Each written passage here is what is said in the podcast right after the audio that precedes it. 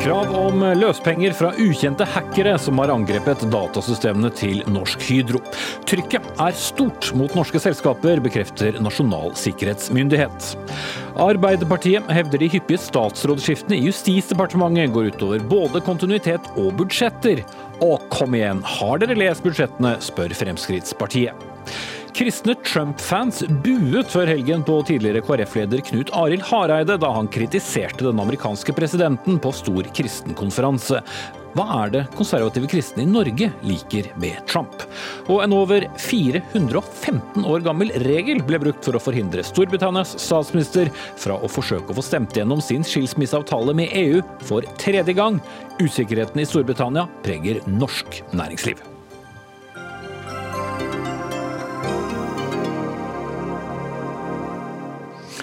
Sier vi god kveld og velkommen til Dagsnytt 18. Jeg heter Espen Aas. Og vi starter denne sendingen med angrepene på Norsk Hydro.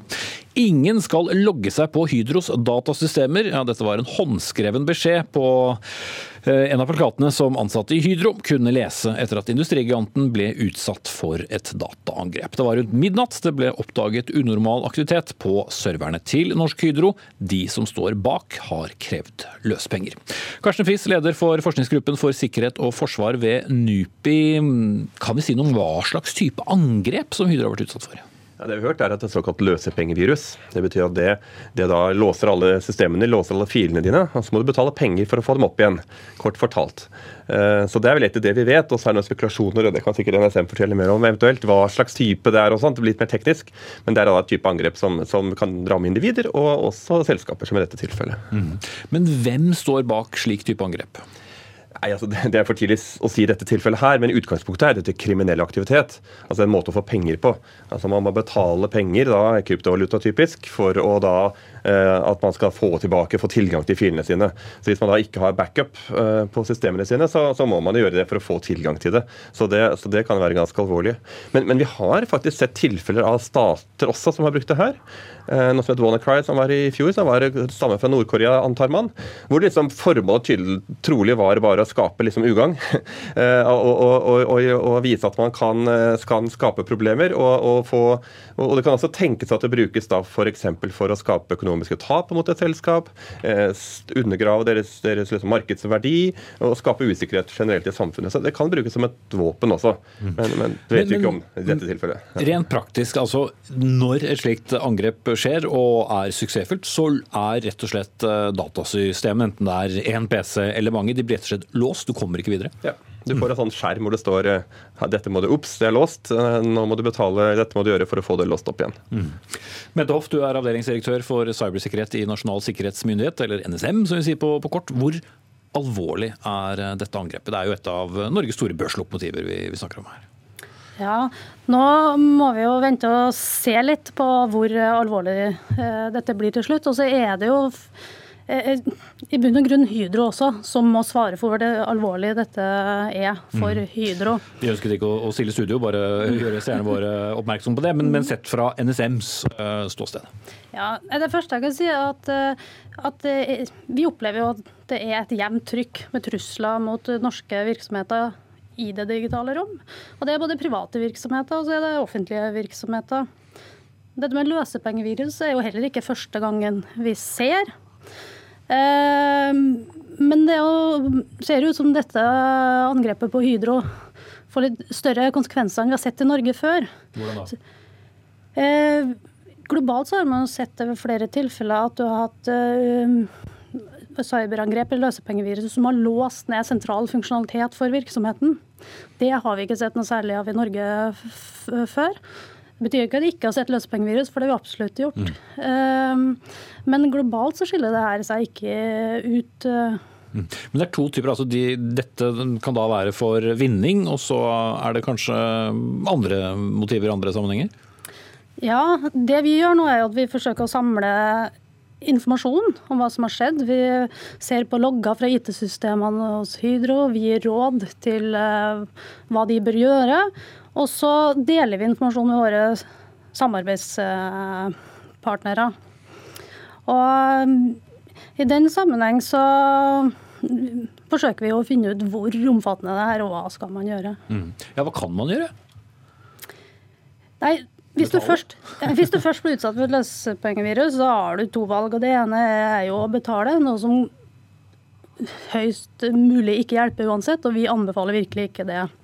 Eh, det du da ellers må gjøre, er at du må ha forberedt deg godt ved å ha backup av systemene dine og informasjon. Og så forhåpentligvis har man jo også øvd på akkurat det, så man kan gjøre det raskt. Mm. Men Friis, hvordan får man tilgang? Eh, altså Trenger man noen på innsiden, som man kanskje tenkte i gamle dager, eller handler det rett og slett om å bare angripe datasystemet mange nok ganger eh, utenfra? Ja, Det er nok det meste siste her. Altså, det er jo Cyberangrep kan jo foregå på flere måter. Eh, komme inn vel flere veier. Man kan, man kan ha lenker i, som man klikker på og, og, og slike ting. Eller kan komme via mer avanserte, avanserte, veier. Så Jeg kjenner ikke til akkurat det tilfellet her hvordan dette har, har skjedd, men, men, jeg har sett tilfeller hvor det har typisk vært en lenke man har, noen har klikket på, så, eller åpnet et vedlegg og sånn sant, klassisk, og så, og så sprer det seg i da hele systemet, alle som er på, på, på, på dette nettet. Så det, det, kan skje på det mange måter. Så, så dette er en form for sabotasje. Eh, ellers så snakker vi ofte om, om i cyberangrep er ofte, ofte spionasje. At man går inn for å snoke og, og finne informasjon og, og, og, bruke det. ikke sant, Industrispionasje eller, eller vanlig spionasje og sånn. Så dette er jo en form for, for sabotasje, eller kriminalitet, da. Eller begge deler, om du vil. Mm. Men kan man på noen måte da klare å spore opp hvor det det kommer fra. Eh, angripere er kanskje flinke til å skjule sporene og gå via forskjellige servere osv.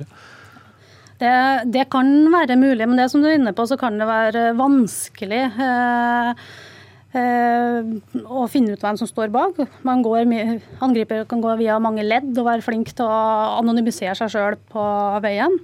Men det kan også være mulig å se kjennetegn ved angrepet som man har sett andre steder før. Ehm, og det er jo en aktivitet som vi eh, gjør nå.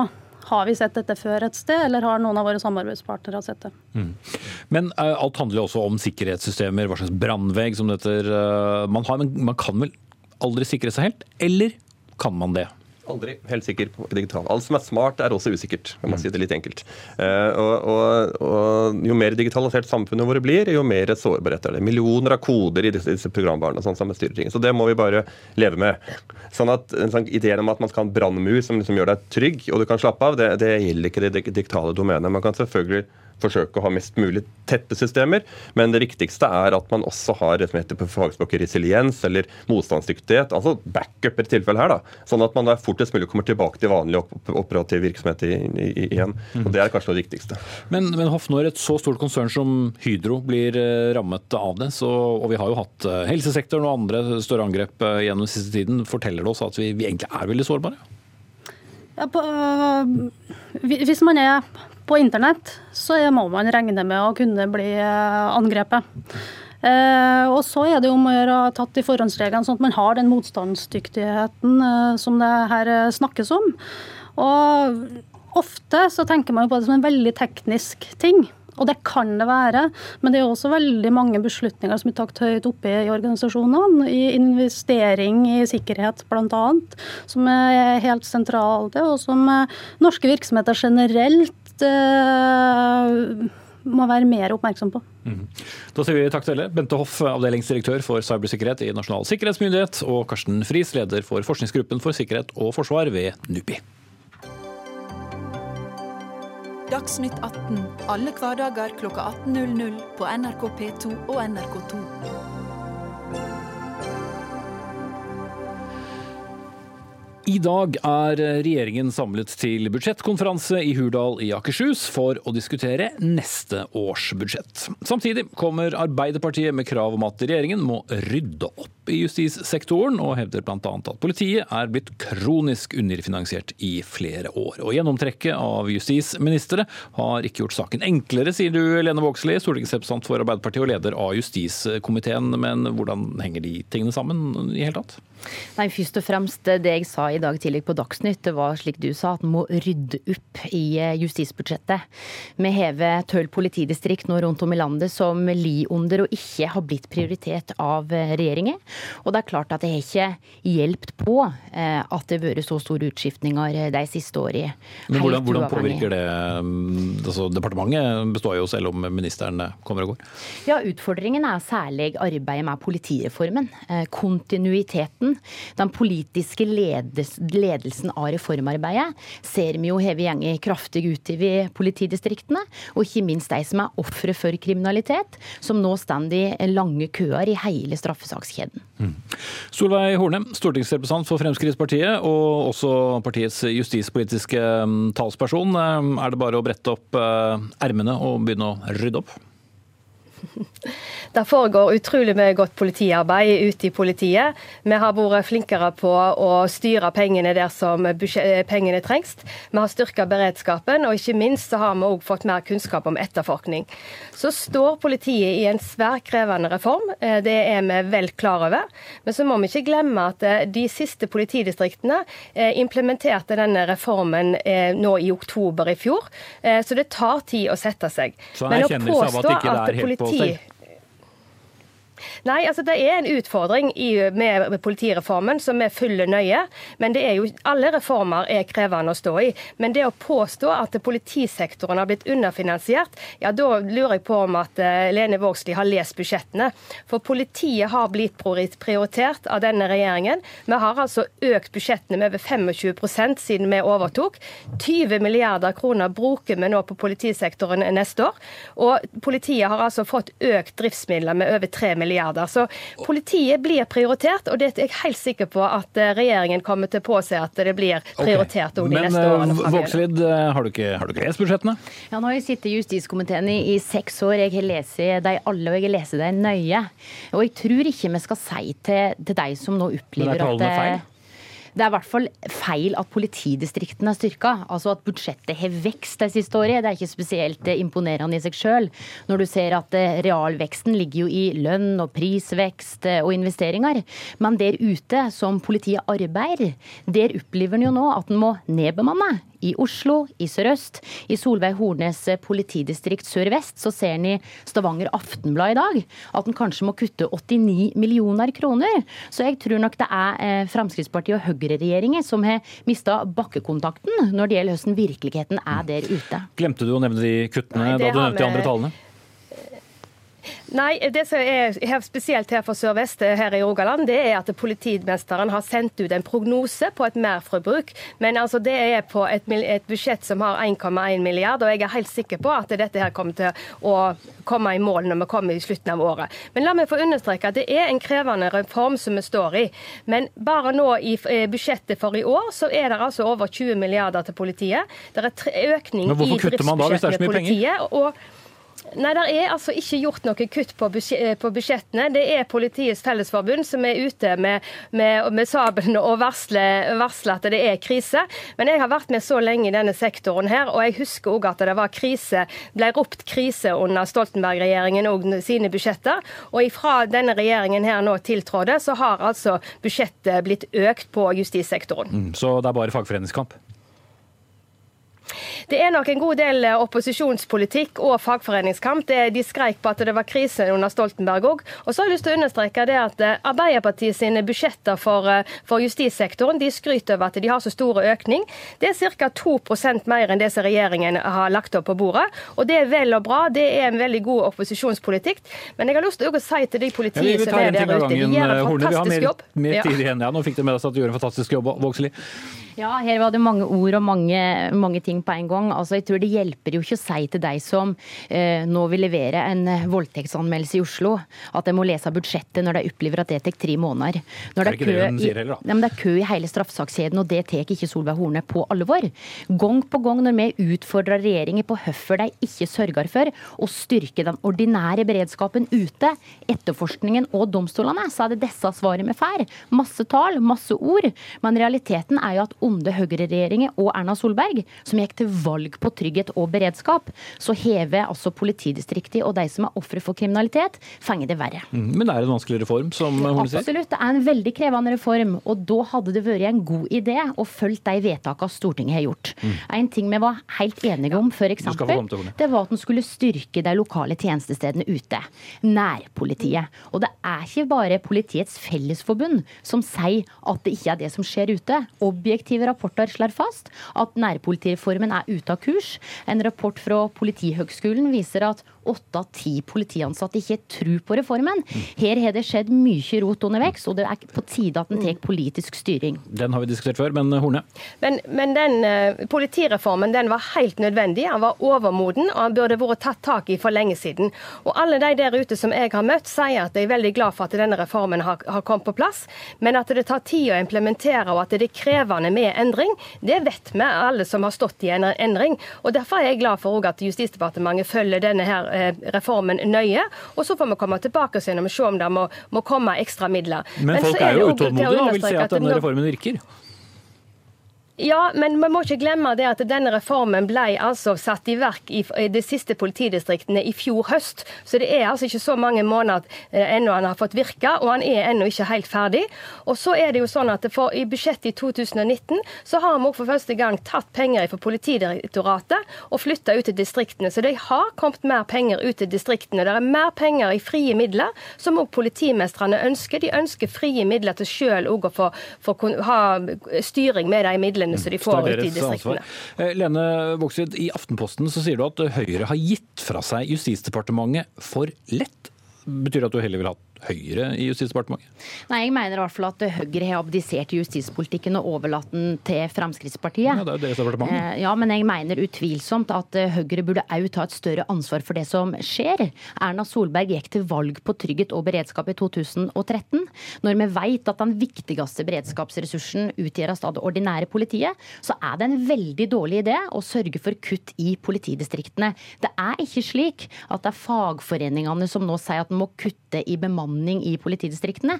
Det er en realitet ja, ja, som både Solveig Horne og regjeringen må ta inn i seg. Horne. Ja, men så Lene Vågslid, så må du, at det er blitt styrka beredskap. Det er ikke kutt i politidistriktene. Ja, det, er en økning i justis, Det er en økning i eh, budsjettet til politiet, og det har aldri vært brukt så mye penger på beredskap og sikkerhet som under denne regjeringen. Så det er Lene Vågslid vel klar over. Og Fremskrittspartiet har prioritert politi og justissektoren i budsjettene, og det kommer vi òg til å gjøre framover. Så det kan du bare slappe helt av med at eh, du trenger å ha Høyre inn i de kontorene for at det skal bli god justispolitikk. Dere skal få slappe av begge to, for eh, vi setter strekk for denne debatten. Takk til Lene Vågslid, stortingsrepresentant for Arbeiderpartiet og leder av justiskomiteen her i studio, og Solveig Horne, stortingsrepresentant for Fremskrittspartiet og partiets justispolitiske talsperson, med oss fra, fra Stavanger. Blir preget av dialekten her. Inntil videre er eh, Jon Georg Dale, altså både justisminister og samferdselsminister.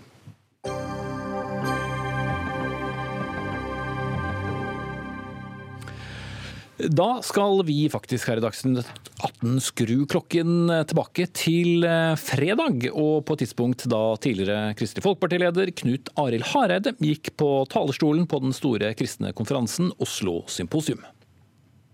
Vi må ta avstand fra Trump, som jevnt og trøtt og bevisst br...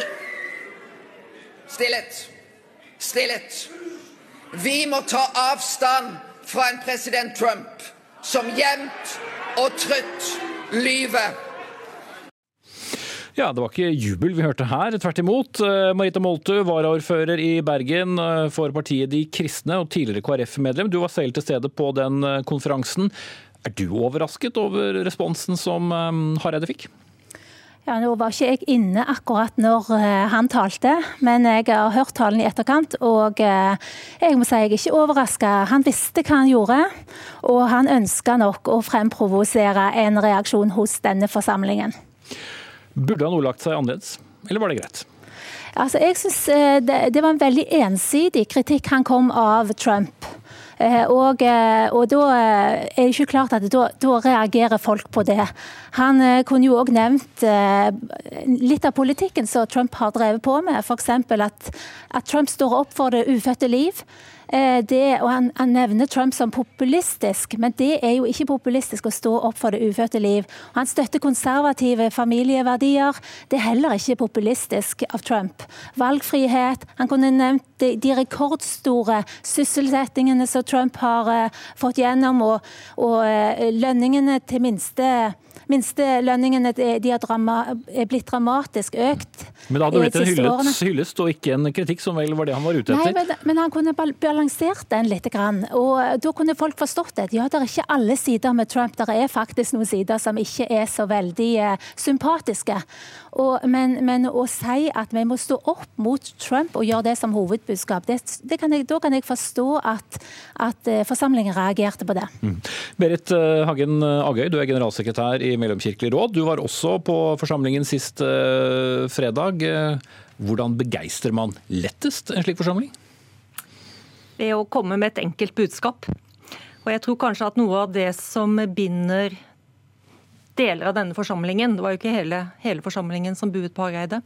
Eh, og Trump er vel den opplevelsen av at verden er blitt ganske kompleks. Eh, og derfor så har man en sånn kjærlighet for de enkle sakene. Altså dette her med å spille på at man opplever at man er i en kampsituasjon. At det er noe som truer de tradisjonelle verdiene, og da særlig familieverdiene. Og også det at man opplever kanskje en slags tapsfølelse at det gamle, i dette tilfellet Norge, som man kjenner, er i ferd med å svinne bort. Så jeg hørte veldig mye snakk om at det kristne Norge er under angrep. Og denne her kampretorikken den minner jo også veldig mye om, om Trump sin. Dette her om at USA er under angrep verdimessig, eller også fra fra andre makter og andre religioner. Så jeg tror kanskje at man finner hverandre i en sånn opplevelse av at verden er komplisert. Mm. Vi må forenkle den, og så må vi på en måte prøve å bevare noe av det som man i og for seg holder kjært, men som blir et veldig forenklet og i den forstand populistisk eh, budskap. Mm. Men uh, hva tenkte du da denne buingen begynte? Jeg må si at jeg ble litt overrasket. Um, og det har Jeg blir mer overrasket utover i konferansen, fordi dette er en forsamling som har et oppriktig ønske om at tradisjonelle kristne verdier skal prege samfunnet. Og jeg har stor respekt for mye av det de står for og det de ønsker å bevare. Men samtidig så opplever jeg at de tegner et slags vrengebilde av motstanderen, og så harselerer de over det. Mm. Og det forundret meg litt. Og sånn er denne buingen av Hareide på en måte et ledd i det at man latterliggjør meningsmotstanderne sine. og Det var jeg litt overraska over. Malte, var det et vrengebilde vi så? Nei, Jeg står på det at eh, man må få fram balansen i denne. Og Det som eh, vanligvis ikke snakker om, det som er politisk ukorrekt, det blir snakket om i, eh, i denne forsamlingen. Og Jeg tror folk er lei av politikere som snakker uten å handle. Og Der er jo f.eks. Knut Arild òg et eksempel. Han, I motsetning til Trump, for å ta det eksempelet, så har Trump sagt, lovt velgerne sine noe, f.eks. å flytte ambassaden eh, fra Tel Aviv til eh, Jerusalem. Det har òg Knut Arild sagt. Og eh, flere andre har lovt, flere andre presidenter i USA har lovt det. Den som har iverksatt dette, det er Trump. Og jeg tror folk er, er, vil ha tydelige politikere som holder det de lover. Og det er det denne konferansen òg handler om. At, å snakke om det som vanligvis ties om. Men likevel bue på noen som da sier det motsatte? Ja, det er jo ikke, det jo ikke uvanlig å bue. Men, men, at folk reagerer, det er jo ikke noen som kan kontrollere det. Men jeg syns det når, han, når Knut Arild var såpass ufin og ubalansert og unyansert, så eh, måtte han forvente denne reaksjonen i forsamlingen. Bare legge til at eh, vi har vært i kontakt med Knut Arild Hareides folk i dag eh, og spurte om han hadde lyst til å kommentere dette selv. Han hadde ikke anledning. Men eh, Agøy, betyr det at Donald Trump har langt mer appell til deler av det konservative kristne Norge enn det Kristelig Folkeparti har. Eller i hvert fall den fløyen av Kristelig Folkeparti som Hareide tilhører og forsøkte å lede partiet mot. Mm. Jeg tror det blir altfor enkelt å si at de som var på Oslo symposium er Trump-tilhengere. Jeg tror det er en ganske mangfoldig gruppe. Alt fra de som sympatiserer med Hareide-fløyen, jeg tror de også fantes i salen, til, eh, de som har beveget seg mye lenger til høyre. Så jeg tror det er ganske... Er du enig med Moltu i, i, den analysen om at det er mange, selv om uh, vel, Trump ikke nødvendigvis anser seg selv som en, en kristen, men det er noe med de verdisakene som han har? Ja, Man snakker veldig mye om kristne verdier, og så har man noen eh, som jeg kaller kodeord på hva det handler om. Og Det handler om kampen mot abort, det handler om tradisjonelle familieverdier, og det handler ofte om Israel. Og Min opplevelse er vel at hvis man sier disse kodeordene, så er man i stand til å dekke over ganske mye annet. Og Det er jo Trump et godt eksempel. Eh, han flytter ambassaden til eh, Jerusalem, og det mottar stor applaus på Oslo Symposium. Men eh, det er jo en total fortielse f.eks. For av palestinernes rettigheter. Så det blir en sånn veldig forenkling hvor man trykker på de riktige verdiknappene. Mm. Og så blir dette et veldig enkelt verdensbilde. Mm. Moltu, eh, forenklet eh, verdensbilde? Nei, Jeg er ikke, heller ikke enig med det. Jeg mener vi må, må snakke om alle sidene det blir, enkelte sider blir tia i hæl, og det er ikke tillatt og det er ikke tolerert å, å, mene annet enn eh, det som er mainstream, det som er politisk korrekt. Men det finnes faktisk en god del eh, mennesker i landet vårt som mener at vi må ta vare på de kristne verdiene, som de, de er i ferd med å viskes ut. Og en del eh, grenser som, som strekkes for langt for at vi skal få et sunt og godt samfunn. Mm. Og, og der representerer Trump bedre de verdiene, i hvert fall for deg, da, enn en, en Knut Arild Hareide gjør, som du har kritisert tidligere? Ja, han, han, holder det han lover, i hvert fall. Så kan vi være, kan godt være uenig med politikken, men han, han, han, gjør i hvert fall det han lover. Og jeg er ikke ute etter å, å støtte Trump i fullt og helt i, alt det han gjør. Det kan vi jo uh, vanskelig gjøre. Men, uh, men, vi må være balansert. Man, man uh, og trenger ikke hive seg på den kritikken mm. som kommer i media og alle veier. Kort til slutt, Agøy. Ser vi nå et mer samlet Kristen-Norge? Opplevde du det på symposiet nå, eller er det mer eh, splittet, slik Kristelig Folkeparti endte opp med å være? Jeg tror vi ser et mer polarisert eh, kristenfolk, på samme måte som befolkningen også blir eh, mer polarisert. Og Så kan vi stå sammen om noe, men akkurat denne opplevelsen om at de kristne verdiene er truet, og at vi lever i en sånn kampsituasjon, den er det nok veldig mange som ikke deler. Mm. Spennende. Takk skal du ha, Berit Hagen Agøy, generalsekretær i Mellomkirkelig råd, og Marita Moltu, varaordfører i Bergen for partiet De kristne.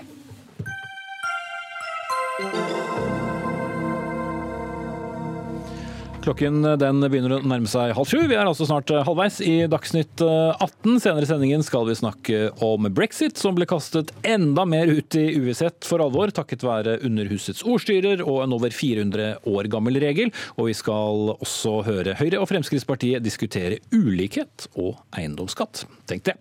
Men vi skal inn med tema som vi så vidt, eller så vidt som vi også snakket om i går her i Dagsnytt 18. Det handler nemlig om vaksinasjoner. For et tilfelle av meslinger ble i går påvist hos en ansatt på legevakten i Oslo.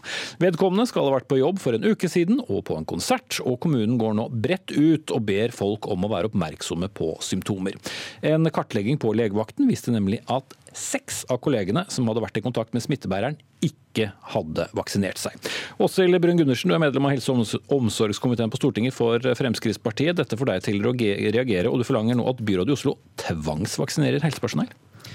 Ja, dette er kjempeskummelt. For det første så vet vi at vaksinasjonsgraden i Oslo er altfor lav. I enkelte bydeler så har hvert fjerde barn ikke vaksinert mot meslinger. Så når vi nå oppdager at det blir meslingutbrudd, da må vi ta noen forholdsregler. Mm, hos helsepersonell og ikke barna de snakket om i går. Ja, eh, og det er altså ingen rett å jobbe i helsevesenet når vi oppdager at helsepersonell selv er med og bidrar til å spre smitte for pasienter, så er det veldig bekymringsfullt. Eh, jeg tror de fleste av oss ble veldig overraska når vi ser at det er en ansatt ved legevakta som da eies av eh, Oslo kommune, som driver og sprer smitte. Og det er altså Inkubasjonstid er 14 dager, så når han nå har påvist smitte i dag, så har han smitta folk i 14 dager. Hvor bredt vil det gå ut? Skal alle som har tilknytning til helseforetak eller lignende da måtte vaksinere seg, eller i hvert fall uh, sjekkes? Ja, jeg synes jo at Hvis man jobber i helsevesenet, så har man en plikt til å vaksinere seg. Man har ingen rett til å påføre andre pasienter alvorlige sykdommer. Så registrerer jeg jo at smittevernlegen nå har vært og kartlagt at det er flere ansatte ved legevakta i Oslo som ikke er vaksinert. og Det håper jeg i hvert fall byrådet tar på alvor og setter i gang tiltak både på sykehjem og på mm. legevakta for å sikre at de som ikke tåler disse smittsomme sykdommene, blir beskytta. Tone Tellevik Dahl, du er byråd for helse, eldre og arbeid i, i Oslo. Eh, ble du overrasket? Ja, eh, men eh, kanskje ikke så overrasket, for jeg mener jo faktisk at regjeringen burde gi alle kommuner en mulighet til å tvangsvaksinere helsepersonell. Men den muligheten du kunne vel gjort det, eller? Nei, vi har ikke den anledningen i dag til å tvangsvaksinere. Det har vi ikke. Men, Men du kan vel oppfordre ganske strengt? Oppfordre veldig strengt. Og vi kan også omplassere medarbeidere som ikke er vaksinert, hvis de er i kontakt med svært sårbare grupper. men det er gjerne, på intensivavdelinger på sykehus hvor den, hvor den muligheten tas i bruk i dag. Men jeg ønsker at alle helsepersonell, uavhengig om man jobber på sykehus, hjemmetjenesten, på sykehjem eller på legevakten, må vaksineres. fordi de har faktisk en juridisk plikt til å mm. ikke påføre andre smitte. Men folkehelseministeren for Frp vil ikke gi meg den muligheten. Mm. Men eh, jeg skal eh, holde litt på deg litt til. for eh, jeg lurer på Hva slags oversikt hadde du som ansvarlig byråd over vaksinasjonsgraden blant ansatte i de som jobber med helse i Oslo kommune? Jeg som byråd personlig hadde ikke den oversikten. Men alle tjenestesteder er jo pålagt til å ha en oversikt over vaksinasjonsdekningen. Både på influensavaksine, hvor vi hadde kampanje i høst, og generelt eh, særlig de som jobber med eh, sårbare barn. Det gjelder gravide og små barn. Så det er særlig helsestasjonene som, og legevakten som jo har, har dette. Men det, det tallene, det har jeg ikke. Nei, for et skriv som gikk ut fra Helsedirektoratet for over et år siden, så står det at helse- og omsorgspersonell skal kartlegge vaksinerte, tilby MMR-vaksinen og sørge for at kun vaksinerte jobber med sårbare pasienter. Men er det da fulgt opp? Ja, eh, Det kan sikkert bli mye, mye bedre. Eh, eh, det er det ingen tvil om i alle norske kommuner. Jeg er litt usikker på hvor flinke man er både i Kommune-Norge og i Sykehus-Norge. Men her skulle dere hatt oversikt ut fra det skrivet? Det kan godt hende. Eh, jeg sitter ikke med de tallene nå. Det kan kanskje smittevernoverlegen i, i Oslo uh, gi mer uh, tydelig informasjon om. Men uansett så mener jeg at helsepersonell har en plikt. Og jeg syns det er synd at uh, stortingspolitikerne og regjeringen ikke ønsker å definere vaksiner inn i den juridiske plikten helsepersonell har allerede i dag, som, en, som handler om både håndvask, hostehygiene, at man ikke skal gå med ringer og armbånd osv. Jeg mener vaksiner bør inn på den listen, slik at man ikke kan jobbe i helsevesenet uh, uten å være fullvaksinert. Ja, Du slo meg pauker og basuner her, Brun-Gundersen, men uh, har dere gjort nok da? Man har jo langt på vei styringsrett som arbeidsgiver. Man ser jo da, når det først oppdages meslingutbrudd blant ansatte på legevakta, så har man da kartlagt seks nye personer som i dag har fått vaksinen. Så dere har både en plikt til å sørge for at tilbudet gis, og at de ansatte er klar over hvilket ansvar dere har som arbeidsgivere til den jobben de skal gjøres. Det gjelder på legevakt, det gjelder helsestasjoner i sykehjem. Og da kan man også, hvis man definerer at vedkommende gjør en uforsvarlig jobb, så kan man omplassere folk, og det vil jeg anbefale dere å gjøre mer av. Ditt parti er folkehelseminister helseministeren, så hvorfor i alle dager, nå er du den andre Frp-representanten på to dager som sitter i dette studio og snakker om vaksine, hvorfor har ikke dere trykket mer på fra regjeringen? Ja, og det kommer vi til å gjøre mer av nå. Nå sitter vi og diskuterer hvilke konkrete tiltak vi vil ha å sette inn for å øke vaksinasjonsgraden. Det viser seg jo at det er vanskelig å tvinge folk til å vaksinere seg, men man kan gjøre det vanskeligere å gi yrkesforbud for de som velger å ikke gjøre det. Jeg mener at det ikke er en menneskerett å jobbe i helsevesenet, og hvis du er vaksinemotstander, så har du ingenting i norsk helsevesen å gjøre.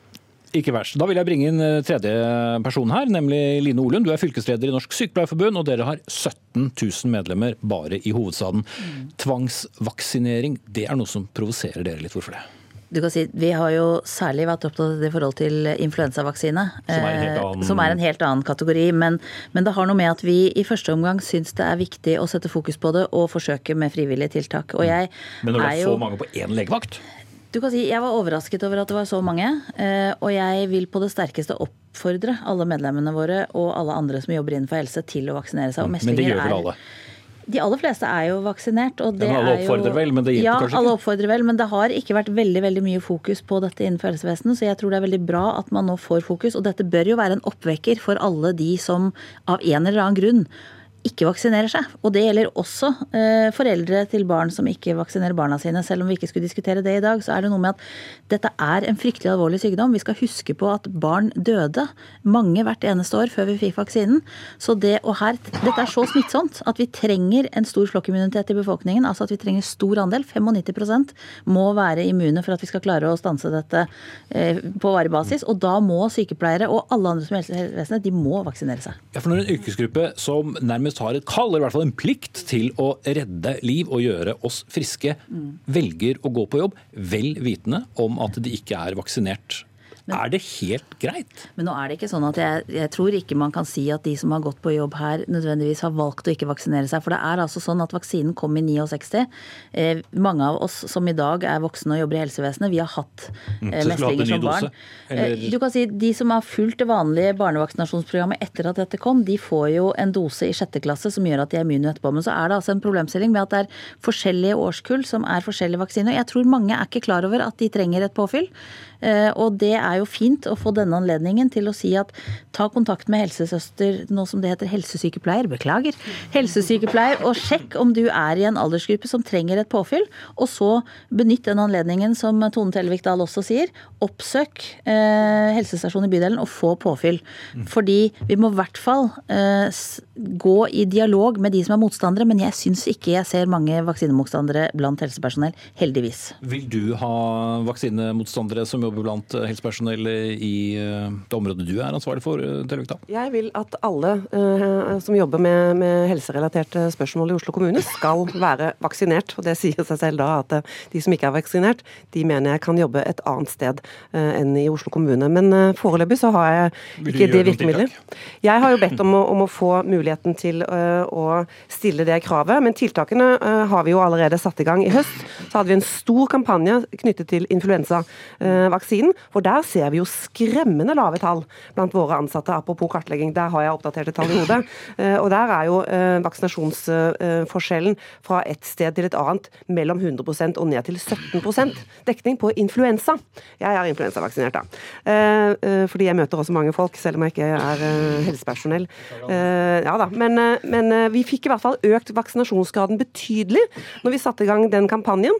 Og også overfor barnehager, for de jobber jo også med en del sårbare barn. Så det er ikke bare helsepersonell. Det er jo derfor jeg ønsker både at barnevaksinasjonsprogrammet skal bli uh, den beskyttelsen vi gir i tråd med Barnekonvensjonens uh, rettigheter, uh, samtidig som helsepersonell har et særlig ansvar for å beskytte alle de behandler.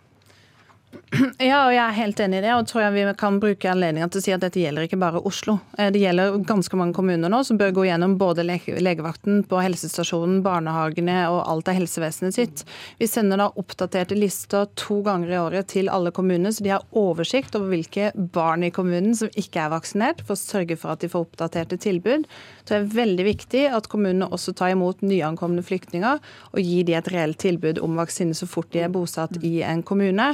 Og så tror jeg nå Vi må nok starte med, med, de voksne. Ja, nå er vi absolutt nødt til det. Og jeg tror denne meslingutbruddet som har skjedd i Oslo har satt en støkk i folk. og Jeg håper det, at det er mange kontakter legen sin for å få påfyll på vaksinen. Og at man nå står overfor en mulig meslingepidemi, er det ingen tvil om. Med så lav vaksinasjonsgrad og et utbrudd som dette kan få alvorlige konsekvenser for de som ikke er vaksinert. Vil høre deg til slutt, eh, Olund. Hva tenker du er greit å pålegge medlemmer?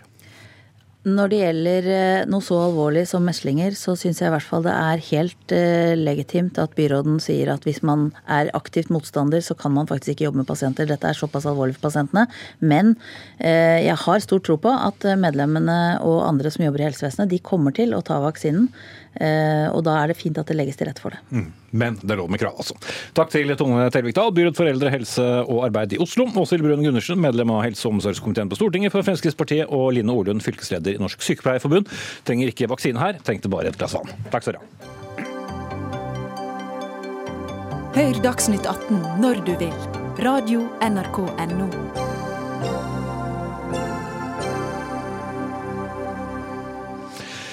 I dag skulle Underhuset kanskje ha stemt over Theresa Mays skilsmisseavtale med EU for en tredje gang. Men helt uten varsel så sendte Underhusets ordstyrer John Burkow av gårde en torpedo som satte en effektiv stopper for det hele i går, ved å henvise til en regel fra 1604 om at en regjering ikke kan legge frem det samme lovforslaget flere ganger, ja, så er brexit, hvis det er mulig å si, om mulig enda mer i det blå. Og Fredar Kokkvold, tidligere generalsekretær i Norsk Presseforbund og Storbritannia kjenner. Hvordan skal vi forstå det som nå skjer, eller ikke skjer, snarere? Ja, det er jo en del av den generelle farsen, vil jeg si. Kaoset som nå er totalt. Eh, dette var nok overraskende. At eh, John Burkow Eh, valgte For han hadde ikke behøvd å gjøre det. Berkow ble utfordret for en uke siden da han, da han sa at uh, vi er ikke nødt til å følge presedens. Hvor hadde verden vært om vi hadde gjort det? Men nå valgte han å gjøre det. Og mange har jo selvfølgelig mistanke om at det gjør han fordi han vil komme regjeringen til livs. Han er valgt av de konservative, men er veldig forhatt av de konservative. Det sies at det var bare tre Eh, konservative parlamentarikere som stemte for han i 2009, da han ble, da ble speaker, eller president. Eh, og han har helt åpenbart et behov for å Han vil ikke være et, en fotnote i britisk historie, han vil være et viktig kapittel. Mm. han er forfengelig, pom, pompøs, men dyktig. Og disse EU-motstanderne kan heller ikke klage så veldig, for det han gjør, er jo nettopp det som EU-motstanderne sa de ville gjøre. Take back control. Ta tilbake kontrollen.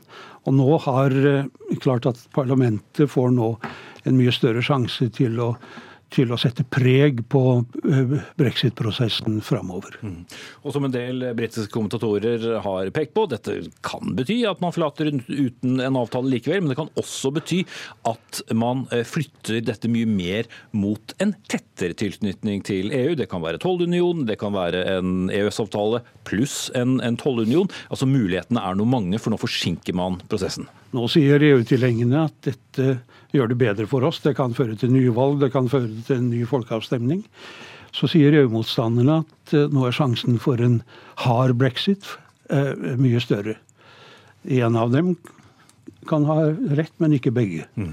Jeg tror jo at dette fører til eh, det, altså, Theresa May sa til sin regjering i dag også at, at hvis ikke min avtale blir, blir godkjent med, i neste uke, så risikerer vi ikke bare ni måneders utsettelse, men to års utsettelse. Mm. Da, kan, da, kan, mye skje. Og så må vi huske på at vi er, er jo bare i, i skilsmisseprosessen foreløpig. Så skal man etter ni måneder eller to år kanskje diskutere eh, hva skal skje når Storbritannia, hvis Storbritannia går ut av EU.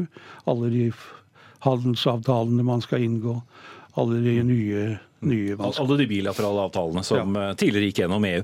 Det betyr mye usikkerhet. Og usikkerhet, Øystein Dørum, sjeføkonom i NHO, det har du skrevet om i en kronikk som heter 'Usikkerhetens pris' i Dagens Næringsliv. Og du har trukket uh, mange, mange paralleller, men hvis vi holder litt til på, på brexit Altså En så uforutsigbar situasjon uh, hvor det skjer stadig ting som ingen har klart å forutse. Hva gjør det med norsk næringsliv? Vi er jo storeksportør av fisk, storeksportør uh, av gass og en rekke andre ting til EU. og importører også, selvfølgelig. Nei, altså det, det, jeg forsøker å få fram i den kommentaren, er jo det vi for så vidt alle sammen vet. At det å, for en bedrift å gjøre en investering i en fabrikk, i en maskin, det er noe du gjør med en lang horisont. 10 år, 20 år. Du kan selvfølgelig selge fabrikken, du kan selge maskinen etterpå, men da taper du på det. Og jo større usikkerhet det er om hva slags vilkår man har for fremtidig omsetning, jo mer tilbakeholden vil man være med å gjøre en sånn investering. Eh, vi ser jo ikke det i Norge, selvfølgelig. Det er ikke vi som påvirkes direkte og mest av dette. Men i Storbritannia så er bedriftsinvesteringene nå lavere enn det de ellers ville ha vært, sier Bank of England. 7% Alt dette er ikke usikkerhet. Det er sikkert noen som har begynt å, å flytte aktivitet fra Storbritannia og til, eh, til kontinentet. Men Norge er tett integrert med Storbritannia. 10% av vår eksport utenom olje og gass eh, går dit. For noen bedrifter så har Storbritannia et svært viktig marked. Og vi tenderer kanskje til å undervurdere betydningen av handel mellom land, fordi vi ofte ser bare på den direkte handelen mellom land. Men det som kjennetegner handelen nå, er at mer og mer er handel som del av ganske tette verdikjeder, altså hvor en vare, eller en, en bil eksempelvis, kan bestå av vareinnsats fra mange, mange ulike land. Sånn at hvis, hvis kjeden rammes i ett ledd, f.eks. på fergeforbindelsen Dover-Calais, ikke tilfeldig, så kan det ramme også andre leverandører, selv om de ikke leverer direkte til Storbritannia. Mm. Uh, og, og Kokkvold, nettopp det med handel var jo et av kronargumentene fra eh, brexit-siden eller eh, nei-siden til EU, at man nå skulle kunne inngå alle disse bilaterale avtalene som man tidligere måtte gjøre gjennom EU. men nå ser man ut til å skremme bort mange Man ser jo bort fra, fra at Storbritannia gjennom 40 år er dypt integrert i, i EU. Og klart at EU også har blitt noe mer enn politiske ledere har fortalt sitt folk. Det, ikke, det, blir ikke lett å gå ut av EU. Og særlig hvis man som Storbritannia er en viktig, eh, en viktig eh, netto bidragsyter til fellesskapet. Men vi skal huske på Dørum, at eh, altså det er jo særlig tanken på en hard brexit. Mm. På ingen avtale mm. som har satt skrekk i, i næringslivet. De, jo, de, er jo ganske positive til Mays avtale. Og, og jeg, kan, jeg, er ganske overbevist om at eh, det, altså parlamentet har to ganger sagt nei til, eh, til ingen avtale. Så det som skjer nå, hvis ikke meg får gjennom sin, det er en løsere tilknytning. En slags, eh, ikke en brexit, men en flexit. Altså noe lignende som det, som det Norge har. Ja, altså, no, men noe av problemet her er jo at det finnes jo ikke flertall for noen av, eh, av, løsningene. Og der er det er gjort massevis av regnestykker på dette også, eh, og man skal ta alle sånne regnestykker med en klype salt, men de er ganske tydelige på det at jo, jo løsere tilknytning Storbritannia får til EU, e jo større nedgang blir det i aktiviteten. Og så kommer jo da denne, denne harde, eller den, eh, den kaotiske brexiten som en, som en, særlig risiko. Der har Bank of England sagt at Storbritannia kan stå foran et fall i aktiviteten som er større enn det de fikk under finanskrisen. Og Det er noen grunnleggende ting som er litt av årsaken til det. fordi at All handel i dag er jo da regulert gjennom EUs regelverk, hva du har lov til å ta inn av, av matvarer, hva slags toll som det skal være på forskjelling. Og med en gang eh, Storbritannia ikke lenger er en del av EU, ja, så må de ha sine egne tariffer, sine egne regler. Det kan bli helt andre matvarer som kan importeres og eksporteres til Storbritannia enn i dag osv. Og, så og det må jo også igjen skape ganske mye usikkerhet. For det er vanskelig å si hva, hva, vet hva du kan eksportere til Storbritannia i dag, men om fem år? Hvem vet? Altså, så EØS-avtalen eller EU-samarbeidet er jo en helt unik handelsavtale fordi den, den favner så vidt som den gjør, og, og, og, gjør at varer og tjenester kan flyte sømløst rundt mellom alle de landene som er, eh, som er medlemmer. Og alt annet enn det. Det, det, det, er illustrerende at de, de, beregningene som gir minst avvik, det er en, hvis Storbritannia trer inn i en EØS-lignende avtale. som heller ikke syns veldig aktuelt, må jeg nok si. for Da må de godta de fire friheter? Da må de godta de fire frihetene uten å få lov til å være med og, og, og bestemme. Men, men, men, alt annet innebærer at man setter opp stengsler der det før var, var fri flyt. Og det gir lavere aktivitet, sier alle disse beregningene. Mm. Og, og Kokol, altså På den andre siden så har vi de erkekonservative, John Redwood og andre, som sier at nei, men la oss heller bare bryte alle bånd til det, så kan man bygge opp alle avtaler fra bunnen av og være sikret at det er våre egne lover og regler som gjelder for handel? Nei, jeg vil jo, Det er ren fantasi. og Det tror jeg store deler av også, deler av det konservative partiet er overbevist om. Men det er, jo, det er jo ikke bare den eh, økonomiske usikkerheten, men også den politiske. For det er jo som Dørum sier, det er jo også, det er, det er ikke bare regjeringen som eh, eh, er splitta, men også parlamentet. I tre, i hvert fall. Man snakker om, om alle parlamentets mor. Er, nå er det jo en slags avansert barnehage. Hvor små retorikere sitter og kjefter på hverandre og blir ikke enige om noe. Så jeg vil jo si at ansvaret for dette er i like stor grad parlamentet som, som regjeringen, som i hvert fall prøver å, inn, å, å gjennomføre det det britiske folk har bedt om. Ikke rart kanskje at noen går over 400 år tilbake i historien for å prøve å finne nye manøvre. Takk til dere, Pedergard Kokkvold, tidligere generalsekretær i Norsk Presseforbund og Storbritannia kjenner, og Øystein Dørum, sjeføkonom NHO.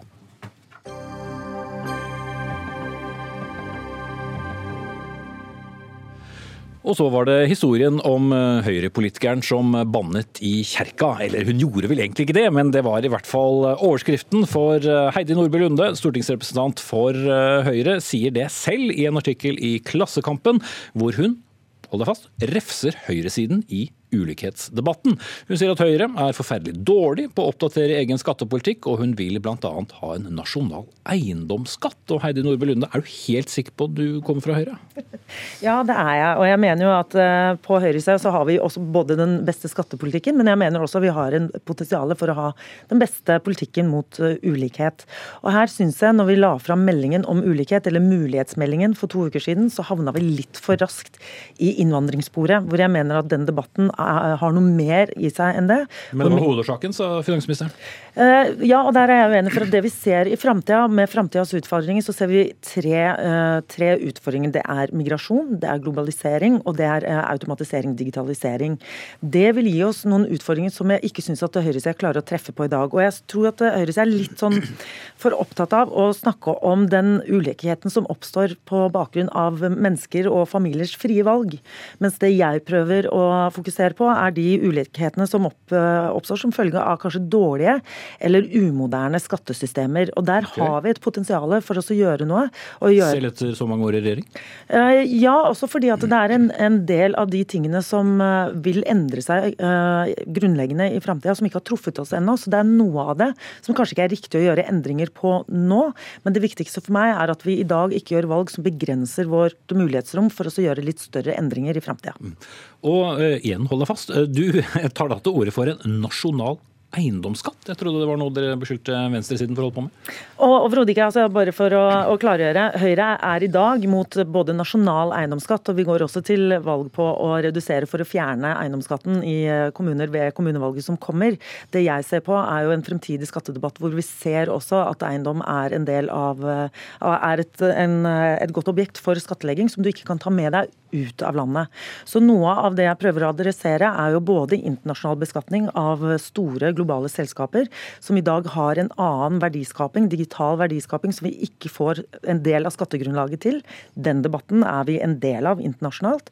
Og så ser vi også på nasjonale systemer for beskatning, som jeg mener fra år 2021 til 2025, hvor høyresida må ha bedre svar på de utfordringene som vi ser de globale trendene kommer til å gi oss. Også kjent som neste stortingsperiode. Bård Hoksrud, stortingsrepresentant Eh, fra Frp. Eh, ja, To streker under svaret på det Heidi Nordby Lunde sa, eller?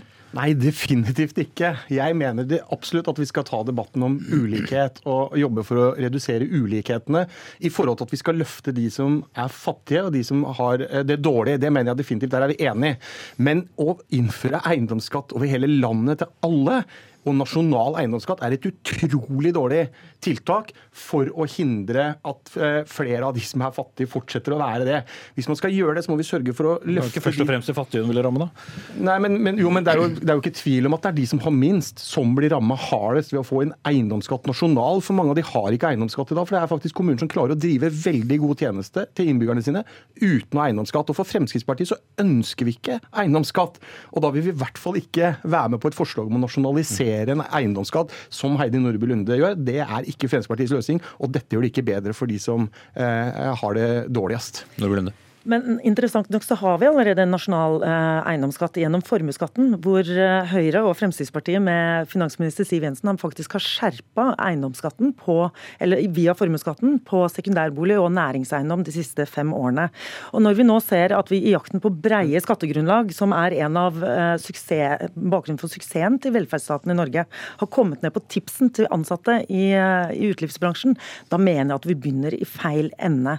Skattlegge for mye på den enkelte? Um, nei, altså ikke på Jeg mener jo for så vidt at det er bra at det skal innrapporteres, og det var ikke egentlig nyhet, for det kan sikre sosiale rettigheter og pensjonspoeng. Så jeg syns det er synd at man uh, reverserer på, på, det.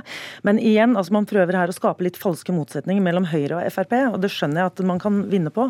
Men skal vi ha en mer intelligent debatt om framtidas skattesystemer, og hvilke verdier vi kan skatte av i, i, fremover, så mener jeg at en nasjonal eiendomsskatt bør ligge på bordet, nettopp fordi at vi må ha alle virkemidlene partiene eh, med oss når vi skal se, ha en helhetlig gjennomgang av et skattesystem som skal bli fremtidsretta. Jeg blir alltid be- bekymra når man sier at man skal ha alle, alle ting på bordet. fordi at Det betyr at da ønsker man å skattlegge mer. Eh, Og jeg er helt uenig, fordi jeg mener at egen bolig, eh, primærboligen sin, den bør man også ikke skattlegge med mer eiendomsskatt fordi man må bo der og man trenger den boligen. Og dette mener jeg det er helt feil å gjøre, fordi det vil ramme mange av de som sliter i dag, mange av de vi ønsker å løfte opp. Så det mener jeg er helt feil medisin, og derfor er jeg helt uenig med Heidi Nordby Lunde. Hva er din løsning, da? Nei, Min løsning og det Fremskrittspartiet vil, er jo at vi ikke ønsker å ha eiendomsskatt på primærboligen sin. Og så er det som Heidi Nordby Lunde har gjort, at vi har gjort noe på sekundærbolig osv. Men på primærboligen så bør vi definitivt ikke gjøre det. fordi det bidrar ikke til noe mindre ulikheter. Heller kanskje tvert imot. Fordi det er de som har det tøffest, de som sliter i hverdagen sin, som det vil ramme enda mer. Og det er ikke noe løsning for Fremskrittspartiet. Men vil du øke noen andre skatter, da? I utgangspunktet vårt så ønsker jo ikke vi å øke skatter, men vi ønsker heller å jobbe for hvordan kan vi løfte de som da er utafor arbeidslivet. Hvordan skal vi få de inn i arbeidslivet igjen. Det er jo det som er viktig. Mm. Det blir litt to forskjellige debatter her, da. Ja, men, det, men, det, men det, er viktig, det er veldig viktig det, at det handler faktisk om å løfte de som sliter, de som har eh, lav inntekt, og kunne, hvordan skal vi klare å få til det? Hvordan skal vi få folk inn i arbeidslivet? Fordi det handler om, ja, du får bedre økonomi, men det handler også om mye sosialt. Å få lov å være en del av arbeidslivet, få lov å være en del av det sosiale å være på jobben osv. Det er kjempeviktig. Mm. Og det, og den beste virkemidlet mot fattigdom er selvfølgelig en jobb å gå til. og Der har Høyre, Frp, og Venstre og KrF den beste både skattepolitikken og selvfølgelig politikken for å både integrere folk inn i arbeidslivet, men også sørge for en næringspolitikk som skaper arbeidsplasser. Det er ikke mitt poeng. Og jeg tror ikke Bård Hoksrud heller hører helt etter. Når jeg sier at jeg ønsker en debatt om eiendomsskatt, så kan det gjøres fullt ut med å skjerme primærbolig, dvs. Si der hvor folk bor. Det kommer til å være Høyres politikk uansett i framtida. Spørsmålet er når vi i framtida ser at vi får bl.a. veldig mange eh, som, eh, som kan miste jobben sin pga. automatisering. Mange har gjort det allerede fordi arbeidsplasser gjennom globalisering har flytta ut av landet. Du har en stor gruppe mennesker nå som har hatt en vedvarende eh, dårlig lønns, eh, lønnsvekst, og som da rammes av at man påfører flere skatter og avgifter på lavtlønnsnivå, og det bidrar til å polarisere både arbeidsmarkedet og, eh, og ikke minst også i, i økonomien. Da mener jeg at vi må ha en eh, åpen debatt om hvordan vi skal løse det i framtida. Dette er Men- altså ikke noe vi går til valg på i 2017. Nei, vi skulle til å si, Er det dette du skal gå inn i valgkampen med? Og jeg starta vel også å si at eh, Høyre er ikke for en nasjonal eiendomsskatt i dag, selv om vi har den via formuesskatten. Og vi kommer til å gå til valg på å fjerne eh, eiendomsskatten i de kommunene eh, hvor vi får makt. eh, redusere for å fjerne på, på sikt. Og jeg mener også at kommunal eiendomsskatt er vi imot, og kommer til å jobbe for å fjerne helt. Kort eh, fra Ja, det, det siste er jeg veldig glad for, fordi dessverre så opplever vi ikke alltid det Høyre, at de er for å redusere eiendomsskatten. og Derfor er jeg veldig glad for at det, det blir ikke noen nasjonal eiendomsskatt. Det håper jeg ikke. Og Fremskrittspartiet sitter i regjering fordi vi ønsker å redusere eiendomsskatten fordi den er usosial, og man skal ikke skattlegge den boligen man, er, eh, man bor i. Føler du at du sitter i samme regjering som eh, Ja, det er veldig mye som er veldig bra denne regjeringen har gjort, og vi har redusert eiendomsskatten. Det er jeg veldig glad for, og jeg håper at vi skal fortsette å gjøre det. Takk til Heidi Nordby Lunde og Bård Hoksrud. Dagsnytt 18 er over for i kveld, men senere i kveld så er eh, debatten klar på NRK1. Dit kommer toppbloggerne Sofie Elise og Kristine Gjelsvik. Og spørsmålet er er Sofie Elise Norges farligste forbilde? Ha popkornet klart eh, 21.20. Da kommer eh, Fredrik Solvang eh, over skjermen på NRK1. Ansvarlig for denne sendingen, Jarand André Mikkelsen. Teknisk ansvar hadde Hilde Tosterud. Jeg heter Espen Aas. I morgen er eh, Sverre Tom Radøy på plass i dette fargerike studio. Ses da.